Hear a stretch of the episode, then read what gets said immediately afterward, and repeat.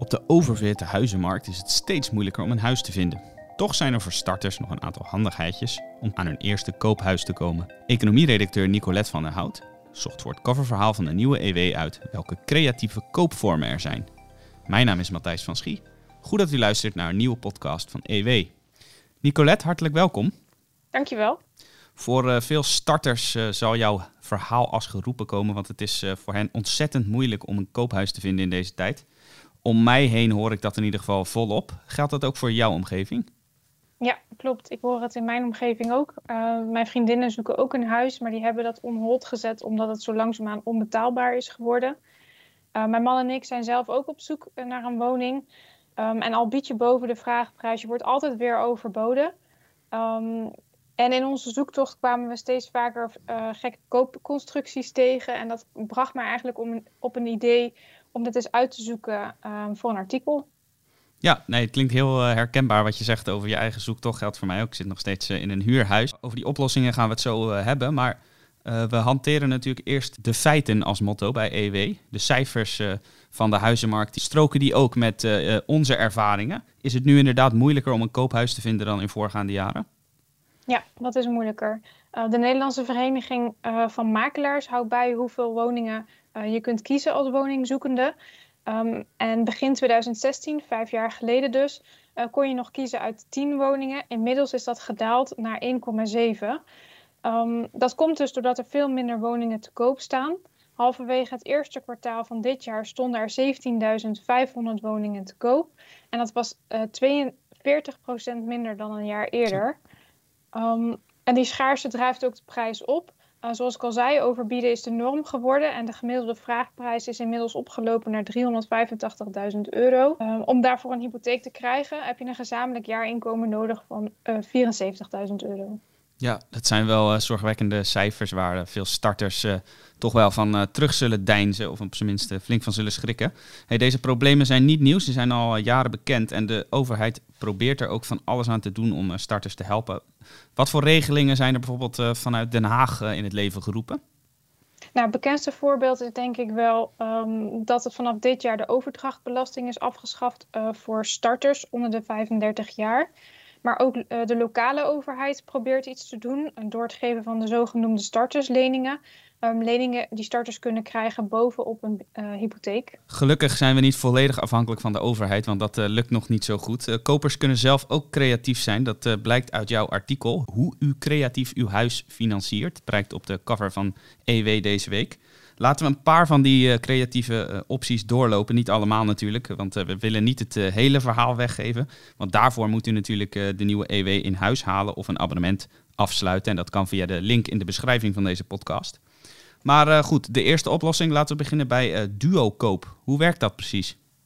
Bij duo-koop koop je alleen het huis en niet de grond. Um, de grond koopt een institutionele belegger, zoals een pensioenfonds. Uh, de koopprijs wordt daarmee ongeveer met 30% uh, goedkoper.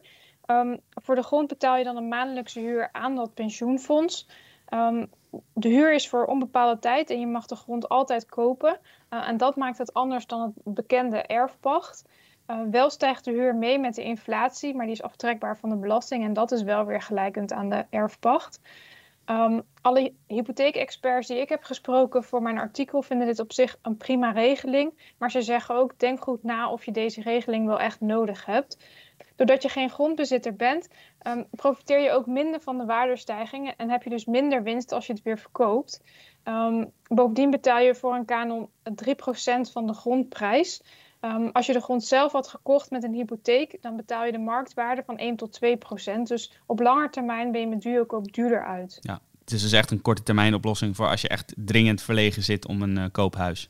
Ja. Oké, okay, nou ja, dat is uh, dus een interessante optie voor wie uh, echt haast heeft. En uh, een andere optie is uh, hulp inroepen van je naasten. Bijvoorbeeld je ouders of je vrienden zijn ook diverse opties voor. Dat klinkt eigenlijk heel logisch en uh, zo oud als de weg naar Rome. Maar wat kunnen zij nou concreet doen, jouw ouders of je vrienden bijvoorbeeld? Nou, ouders kunnen helpen door schenkingen te doen en of een familiehypotheek aan te bieden. Maar met deze twee opties kun je heel wat varianten bedenken.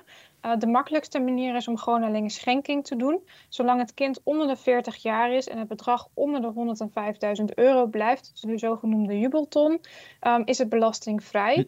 Een andere optie is om een familiehypotheek naast een reguliere hypotheek af te sluiten.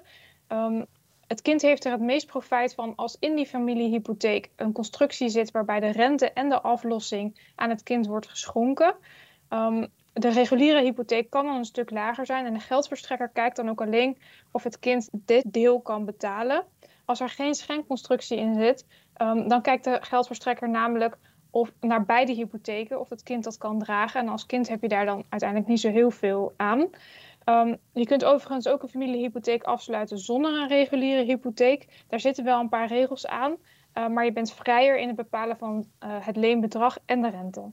Dat uh, is dus de familiehypotheek met je ouders, maar er zijn ook nog vrienden die je uit de brand kunnen helpen. Hè? Hoe werkt dat? moet je wel hele goede vrienden zijn. um, maar je kunt bijvoorbeeld samen besluiten om een woonboerderij te kopen. Um, um, maar dit wordt een complexe regeling. Daardoor zijn geldverstrekkers daar een beetje huiverig voor. Maar sommigen bieden het wel aan, het kan. Um, maar je moet je goed beseffen dat je allemaal hoofdelijk aansprakelijk wordt voor die hypotheeklasten. Uh, je kunt er dus niet zomaar uitstappen. En dat is wel goed te bedenken als je bijvoorbeeld uh, gaat scheiden of uh, gaat verhuizen of misschien gewoon een wereldreis wil maken.